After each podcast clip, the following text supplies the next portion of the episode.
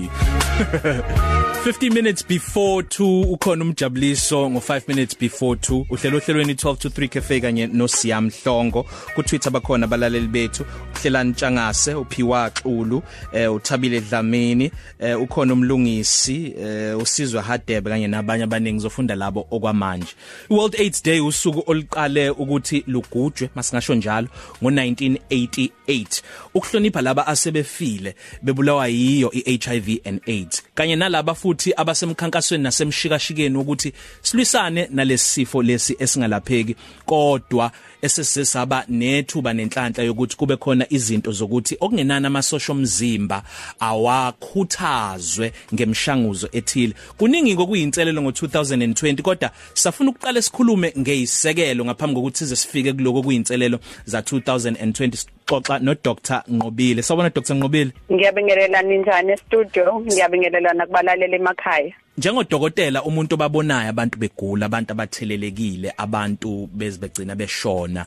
Ungathi luwusuku esingathi siyaligubha lolu yiphi indlela yokusho? Eh ngingathi kuse ukuqhubeka nokuqwashisa ngoba impi yokulwisana naleli gciwane lesandulela ngculaza noma negciwane lengculaza uqobo akuyona impi esingathi sesiyinqobile eh ifubuka even ngakuyiside lo so science kusakuningi okusha esikufundayo nangalo leli gciwane nokuinselelo hmm. esingakwazi ukulwisana nazo isibonelo nje eh kukhona othola abantu ukuthi akaze ahlangane nomuntu mhlambe wesilisa uyaya emhlangeni eh and ngempela uyahlolwa akaze ahlangane nomuntu wesilisa kodwa ngenxa yokuthi mhlawumbe washona ngalesa sizathu lesa sikhathi umzali akwanganakeka nokuthi ahlolwe ngoba mhlambe yena waba nenhlanhla yokuthi usindile. Mm. mayisehlola ama results athu positive akaguli and akaze ahlangane nomuntu wesilisa. So ezinye zeyinselelo esihlangabezana nazo nje ukwenza isibonelo ukuthi kusilisa isaningi impi esisabhekene nayo maqondana nalo igciwane le-HIV asibuyekeze Dr. Nqobile iyini HIV virus nakanye neAIDS? Eh, igciwane leli elitholakala ngokuthathelana ngokwe ngokoketshezi olusemzimbeni okubala igazi okubala even ama ama fluids mhlawumbe abantu uma behlangana ngokweqa ngokocansi mm. Yini eyenza ukuthi kuqale kuthiwa isandulela ngculazi HIV kodwa futhi kokunye kugcine sekuyi AIDS eh isandulela ngculaza kusho ukuthi lapho umuntu usuke engenazo kwesinye isikhathi izimpawu ephila nje engezwa lutho mhlambe emzimbeni. Uthola ukuthi mhlambe uyaya nje ukuhlola njengoba sigcizelela ukuthi umuntu akahlole ama results noma imiphumela yakhe ibuye ikhombe ukuthi unalo leli gciwane. Egazini. Kodwa igciwane la sesithi unesifo sengculaza okusho ukuthi usenezimpawu emzimbeni ezikhombisa ukuthi amasosha omzimba akhe akhahlamezekile mm. kulowo muntu ila siqala sibona khona e, mhlambe omunye uzobe esene TB athi uye eclinic mhlambe ngoba ephethwe isifuba noma ekhwehlela.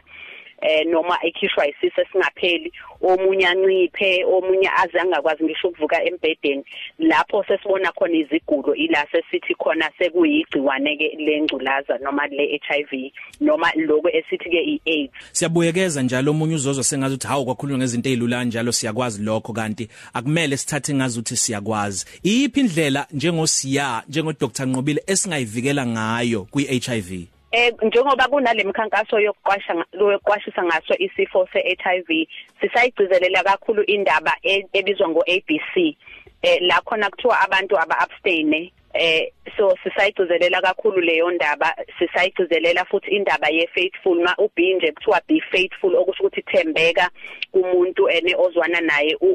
Ukabstaina kusho ukuthi uma ngabe singekho isidingo sokuzibandakanya ocansini ngempela asikho isidingo.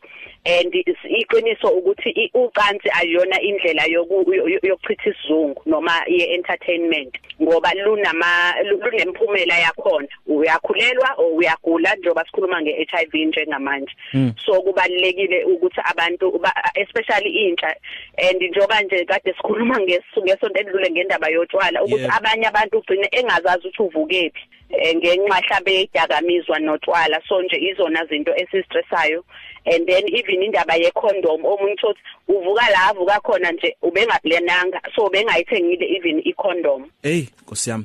Dr Nqobile ngo 2020 izinto eziphathelene no treatment izona ngeke ngizoyikhuluma kakhulu ukuthi musu kuye ukudla i treatment musa ukudefault musa itreatment ukuyibhanqa notshwala zonke lezo zinto. Ungakhuluma uthini ekugcizeleleni lokho? Eh yebo enye into esikhalisa kakhulu ngempela nje ngoJanuary kuya kuFebruary baningi abantu abashonayo abanaleli gciwane. Uthola ukuthi njengoba kuqala isikhathi sefestive uvele umuntu mhlambe ngoba okunye vele lamaphilisi kwawo wona umuntu emzimbeni aba nalokho kumhlukumeza ngoba awazwani notwala so uthola ukuthi manje waphuza ephuza notwala omunye uba nenhliziyo encane omunye uyaphalaza. So omunye ancameleke ukuthi uvele uyawayeka ngoba ifestive. Useyayiphuzela nje eh uphika nabantu abangaguli. Uthola ngoJanuary February usene TB omunye usene AIDS defining condition uselaliswa esibhedlela. Mhlambe ene uthola ukuthi by the time ebuyiselwe emaphilisini awasamsebenzeli. Usegcina uluza impilo yakhe ngaleyo ndlela ngoba as much that's why ngithe ngiqala noma sibona igalelo elikhulu ekulwisaneni naleli gciwane ngokuthi kube khona ukutholakala kwama ARVs eh kodwa still sisababona abantu beshona mhlambe ngenxa yokuyiphatha abanye ngenxa yokungaqondi even nangendlela yokuthatha amaphilisi abo ngendlela. Dr Nqobile mhlambe lokuphumile kwena njengodokotela kodwa angiboni kanjalo mina ngoba ukhulile futhi umzali.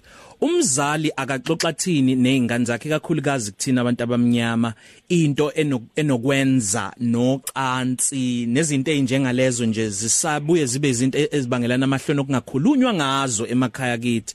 Ngixoxa ngithini nengane yami mase ngibona ukuthi siyaqala ukuhlakanipha isiyangena kwisigaba sepuberty mhlambe ngezinto eziphathelene nocansi ikakhulukazi kutheni baphephe kwi-HIV and AIDS? Yebo kubaluleke kakhulu kulesi sikhathi sokuthi sikhulume nabantwana bethu eh si si sinqamule lezo zinto ezihlambe ezibangwe amasiko empilo ukuthi intombazana ukwazi ukumbuza uma wakho ngalezi zinto noma umhlawumbe umfana fanele uzithole omunye umuntu angayeni naye ongazi njengawe ngoba ene izona ezinye izinto esibukela kwizifo eziphathelana ezithathelanayo ngokocansi kuyizinto ezibhebhethekisayo ngoba umuntu usuke ezwe ngabantu naba abanganayo ishow bemtshela izinto eyingekho so ngiyaye ngithi mina as umzali nami uqobo kunezinto ezintathu umuntu angafundiswa zona. Awufundisi ukuthi ulale muwozela nje uyalala noma ngabe kuthiwa ene ukuliphi izinga lempilo. Naturally ukulala kuyafika. Naturally indlala iyafika so kuyafika ukuthi yidla. So nakumntwana naye fanele kumchazele as ekhula ukuthi kune stage esofika empilweni yakho. Naturally isex into ekhona noma ukuhlangana ubudlelwane into ekhona ekufanele siqhubeke ngayo as abantu as the human race. Mm. iyona ndlela yokungena. Mase uyamchazela kufanele ukuthi lento uyenze nomuntu ohlele naye. Mina nje ngokwami ngithi kwi context yasemshadweni noma kumuntu oshade naye eh and kunezathu zalokho. Noma ukwenza uhleleke noma ukuthi ukwenza nalowo muntu uhlele. Njoba ngisho sikhuluma ngendaba ze HIV infection nje ukuthi ulala nomuntu ongamazi awusazi status sakhe kanti uma nihlelile ngizokwazi ukuthi nihlale phansi ngaphambi kokuthi nize nihlangane ke sengisho nje nani njengopartner nopartner nixoxe ukuthi uyazazini wena. Yeah. Ungazazi asambe phela siqale siyohlola. Kodwa ngenxa yokuthi ene indaba nje eyistigma noma indaba engakhulunywa both emakhaya nje obusho siya kumama kubazali kanjalo no partner uthola abantu ukuthi bayahlangana kodwa akaze bahlale baxoxe ngalento abayenzayo kodwa bayayenza. Hey Nkosi yami uthola ukuthi ngisho iSTI umzali uyabona ingane yomfana mhlawumbe umama ukhulisa ingane yomfana. Uyabona ukuthi khona inkinga la. Uma ngimwashela umzika ayifani ngiyabona lana kuyinika yakhe ukuthi khona inkinga. Uyasaba akazi ukuthi uzoyibuza kanjani ingane yakhe ukuthi uphethwe idrop yini kunani kwenzakaleni? Uyayibona lezo yebo kubaluleke kakhulu ngempela njengoba ngisho nje ukuthi esikhathini esiphila kuso nathi kufanele sihambe nezikhathi angisho ukuthi sihambe ngezikhathi ngokuthi sibe othathekile.